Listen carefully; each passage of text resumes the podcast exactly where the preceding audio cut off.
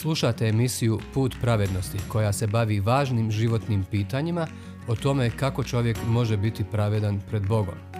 Ako imate bilo kakvih pitanja ili komentara vezano za današnju emisiju, na kraju ćete imati informacije kako nas kontaktirati.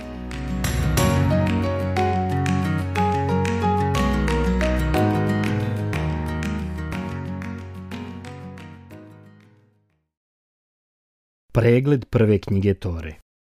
Postanak 1, izlazak 1. Od prve glave postanka do prve glave izlaska. Mi još uvijek proučavamo Toru, koju je napisao prorok Mojsije.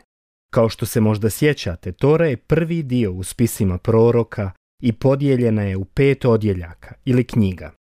Prva knjiga se zove Postanak. U našem prethodnom emitovanju završili smo istraživanje u postanku. Danas, ako Bog da, započet ćemo drugu knjigu Tore, koja se zove Egzodus ili Izlazak, zato što sadrži nevjerovatan izvještaj o tome kako je Bog oslobodio potomke Izraela nakon 400 godina ropstva u Egiptu. Prije nego što započnemo, pogledajmo šta smo naučili u prvom odjeljku Tore. Važno je da imamo detaljno znanje o knjizi postanka, jer je ona temelj koji je Bog postavio za nas, kako bismo mogli razumjeti i vjerovati u sve što je napisano u ostalim knjigama proroka koje slijede. Da li se sjećate prvog stiha knjige Postanka? Kaže nam, u početku stvori Bog nebo i zemlju. Postanak, prva glava, prvi stih. Ovo je važno. U početku stvori Bog. Prije nego što je bilo anđela, ljudi, planeta ili zvijezda, samo je gospod Bog postojao. Sljedeće, naučili smo kako je Bog stvorio milione svetih anđela. Bog je stvorio anđele kako bi ga oni poznavali, služili mu i slavili ga zauvijek.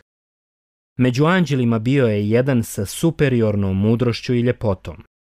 Taj jedan je bio Lucifer, poglavar anđela ali sveto pismo nam kaže da je Lucifer postao uobražen i da je prezirao Boga u svom srcu. Lucifer i mnogi drugi anđeli počeli su smišljati plan kako svrgnuti gospoda Boga. Ali niko ne može da svrgnje njega i Bog neće tolerisati one koji se bune protiv njega. sljedstveno tome, Bog je protjerao Lucifera i njegove zle anđele i promijenio je Luciferovo ime u Sotona, što znači protivnik. I nakon što je Bog protjerao Sotonu i njegove anđele, napravio je za njih vatre pakla. Sveto pismo nam kaže da će na sudnji dan pravedni Bog baciti Sotonu u tu vječnu vatru, zajedno sa svima koji ga prate. Sljedeće smo naučili kako je gospod za šest dana napravio prelijepu i nevjerovatnu planetu za ljude koje je planirao da stvori. Čovjek je najuzvišenije stvorenje koje je Bog stvorio, zato što je stvoren po liku svog tvorca. Bog je želio da ima dubok i divan odnos sa muškim i ženskim ljudima, koje je stvorio da ga veličaju i uživaju u njemu zauvijek. Zbog toga je Bog u ljudsku dušu stavio um koji je sposoban spoznati Boga, srce koje je sposobno voljeti Boga, i slobodnu volju koja je sposobna izabrati da mu se pokloni. Sljedeće smo vidjeli kako je Bog stavio test pred muškarca i ženu koje je stvorio. Bog je upozorio Adama govoreći Sa svakog stabla u vrtu slobodno jedi, ali sa stabla spoznaje dobra i zla da nisi jeo. U onaj dan u koji s njega okusiš, zacijelo ćeš umrijeti. Postanak, druga glava, 16. i 17. stih. Zgriješiti protiv Boga bi dovelo do odvajanja ljudi od njega zauvijek. I tako smo vidjeli kako su naši preci, Adam i Eva, izabrali da prate Sotonu time što su jeli sa zabranjenog drveta, zbog čega Božija riječ kaže Zbog toga, kao što po jednom čovjeku uđe u svijet grijeh i po grijehu smrt i time što svi sagriješiše, na sve ljude prijeđe smrt. Rimljanima, peta glava, 12. stih. Koliko je istinito da epidemija nije ograničena samo na onoga od koga je potekla? Zbog Adamovog grijeha mi smo svi grešnici. Zbog Adamovog grijeha mi svi zaslužujemo umrijeti i suočiti se sa Božijim sudom. Sljedeće smo naučili da je Bog protjerao Adama i Evu iz zemaljskog rajskog vrta zbog njihovog grijeha. Ali prije nego što ih je protjerao, Bog je objavio kako je planirao na zemlju poslati otkupitelja, da spasi Adamovu djecu od sotonine moći i od kazne za grijeh. Bog je imao plan da spasi grešnike. Njegov plan je bio da na zemlju pošalje savršenog čovjeka, koji ne bi bio upravljan Adamovim grijehom. On bi bio potomak žene Imao bi ljudsku majku, ali ne i ljudskog oca. Ovaj pravedan čovjek bi pokazao ljudima kakav je Bog i onda bi svojevoljno prolio svoju krv da bi platio dug grijeha za Adamove potomke. Na ovaj način Bog je mogao oprostiti ljudima grijehe bez kompromitovanja svoje pravde. Zaista ovo prvo proročanstvo o dolazećem otkupitelju je bilo predivno obećanje koje je dalo grešnom čovječanstvu tračak nade. Potom smo vidjeli kako je Bog potvrdio to obećanje, tako što je žrtvovao neke životinje i napravio odjeću za Adama i Evu od njihove kože. Bog je naučio Adama i Evu da je plata za grijeh smrt i da bez prolijevanja krvi nema oproštenja. Rimljanima, šesta glava, 23. stih i Hebrejima poslanica, deveta glava, 22. stih. Nakon toga naučili smo o prva dva Adamova sina, Kainu i Abelu. Vidjeli smo kako je Abel prinio Bogu nevino jagnje i zaklao ga, simbolizujući tako otkupitelja koji je trebao doći da pati i umre umjesto grešnika. Što se tiče Kaina, on se pokušao približiti Bogu svojim naporima, nudeći Bogu ono što je obrađivao na prokletoj zemlji. Ali njegova žrtva nije imala krv, smrt kao isplatu za grijeh. Sljedstveno tome, Bog je prihvatio Abela, ali nije prihvatio Kaina. Zašto Bog nije prihvatio Kainovu žrtvu?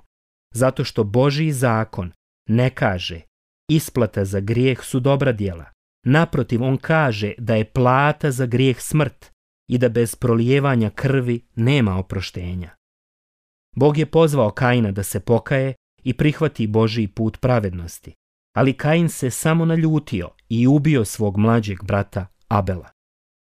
Većina Adamovih potomaka je krenula Kainovim stopama, tako da do vremena proroka Noe sveto pismo kaže Vidje Jahve kako je čovjekova pokvarenost na zemlji velika i kako je svaka pomisao u njegovoj pameti uvijek samo zloća.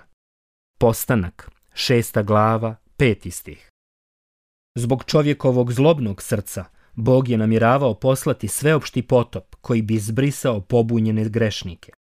U tom korumpiranom vremenu samo su Noa i njegova porodica vjerovali Bogu, zbog čega mu je Bog rekao da izgradi veliku barku, brod, koja bi bila utočište za sve koji uđu u nju. Bog je dugo bio strpljiv sa grešnicima, dok je Noa gradio barku, ali niko se nije pokajao, i ušao u barku osim Noe, njegove žene, njihova tri sina, Šema, Hama i Jafeta i njihovih žena, osam duša sveukupno. Prorok Abraham je potekao od Šema. Pročitali smo kako je Bog naredio Abrahamu da napusti kuću svog oca i ode u zemlju Kanan. Bog je planirao da od Abrahama načini novi narod, kroz koji bi pružio proroke, sveto pismo i obećanog spasitelja. Zbog toga je Bog rekao Abrahamu, i sam ćeš biti blagoslov. Sva plemena na zemlji tobom će se blagoslivljati.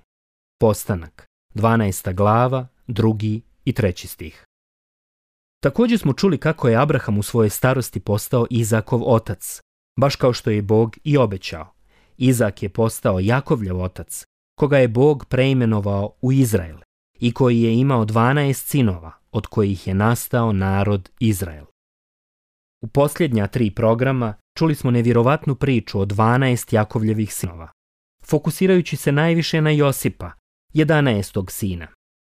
Josipova starija braća su ga mrzila i prodala kao roba, ali Bog ga je volio i učinio vrhovnim vladarom Egipta. S vremenom, glad je zavladala zemljom Egipta i zemljom Kanana, izazivajući veliku bijedu, tako da Jakov i njegovi sinovi nisu imali šta jesti. Kada je Jakov čuo da u Egiptu ima hrane, poslao je sinove da tamo kupe žitarice. Onda smo vidjeli kako se Josip predstavio svojoj braći, oprostio im i uredio da se njegov otac i braća presele iz Kanana u Egipat. Tako smo na kraju knjige Postanka naučili da djeca Izraela više nisu bila u Kananu, koga je Bog obećao dati Abrahamu, već u Egiptu, sve ovo se dogodilo da bi se ispunilo ono što je Bog rekao Abrahamu mnogo ranije, govoreći. Dobro znaj da će tvoji potomci biti stranci u tuđoj zemlji. Robovat će i biti tlačeni četiri stotine godina, ali narodu kojem budu služili ja ću suditi. I konačno će izići s velikim blagom. Postanak. 15. glava, 13. i 14. stih. Sam Bog je imao svoju ruku nad svime što se dogodilo djeci Izraela. Zašto je Bog dozvolio Abrahamovim praunucima, Izraelcima, da se smjeste u Egipat, kada im je sam obećao zemlju Kanaana? Zato što je namjeravao pokazati svoju slavu i moć kroz ono što će im se desiti u Egiptu. Bog je planirao izbaviti djecu Izraela sa svojom nevjerovatnom moći, tako da bi svi znali kako je on svemogući kralj kraljeva i gospodar gospodara. Sada, prijatelju koji slušaš, za ovih nekoliko minuta što nam je preostalo danas, pročitajmo iz prvog poglavlja knjige izlaska. I umre Josip, a pomru i sva njegova braća i sav onaj naraštaj. Ali su Izraelci bili rodni, namnožili se i silno ojačali, tako da su napučili zemlju. U to u Egiptu zavlada novi kralj koji nije poznavao Josipa. I reče on svome puku. Eto sinovi su Izraelovi postali narod brojan i moćniji od nas. Hajde, postupimo mudro s njima. Spriječimo im porast, da se u slučaju rata ne pridruže našim neprijateljima, da ne udare na nas i napokon ne odu iz zemlje. I postaviše nad njima nadglednike da ih tlače teškim radovima, tako su faraonu sagradili gradove skladišta, Pitom i Ramses. Ali što su ih više tlačili, oni se još više množili, napredovali i širili se, tako da su Egipćani strahovali od Izraelaca. I Egipćani se okrutno obore na Izraelce. Ogorčavali su im život teškim radovima, pravljenjem meljte i opeke, različitim poljskim poslovima i svakovrsnim naporima koje im nemilosrdno nametahu. Egipatski se kralj obrati i na hebrejske babice, od kojih jednoj bijaše ime Šifra, a drugoj Pua. Pa im naredi. Kad u porodu pomažete hebrejkama, dobro pogledajte oba kamena sjedala. Ako je muško dijete, ubijte ga. Ako je žensko, neka živi. Ali su se babice bojale Boga i nisu činile kako im je naredio egipatski kralj nego su ostavljale na životu mušku djecu. Stoga egipatski kralj pozove babice pa im rekne Zašto ste tako radile i na životu ostavljale mušku djecu? Na to babice odgovore faraonu. Hebrejke nisu kao egipatske žene, one su životne. Prije nego babica dođe k njima, one već rode. Bog je to babicama za dobro primio. Narod se množio i silno porastao a kako su se babice bojale Boga, on ih obdari potomstvom. Onda faraon izda naredbu svemu svome narodu. Svako muško dijete koje se rodi Hebrejima bacite u rijeku. Na životu ostavite samo žensku djecu. Ovdje se završava prvo poglavlje knjige izlaska. U našem sljedećem emitovanju planiramo dublje ući u ovu izvanrednu priču i pogledati kako je Bog poslao izbavitelja, da spasi potomke Jakova, Izraela, od 400 godina robovanja u Egiptu i od okrutne ruke faraona, kralja. Da li znate ime ovog izbavitelja? Da, to je Mojsije, božji prorok Mojsije. Hvala vam na slušanju. Neka vas Bog blagoslovi dok razmišljate o ovom podsjetniku iz njegove knjige. A sve što je unaprijed napisano Napisano je nama za pouku da bismo putem strpljivosti i putem utjehe koje daje pismo imali nadu. Rimljanima poslanica, 15. glava, 4. stih.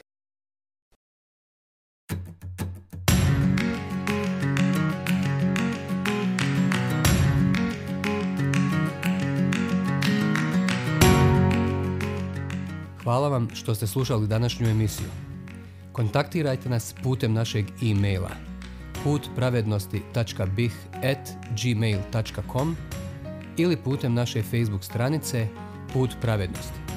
Do sljedećeg slušanja.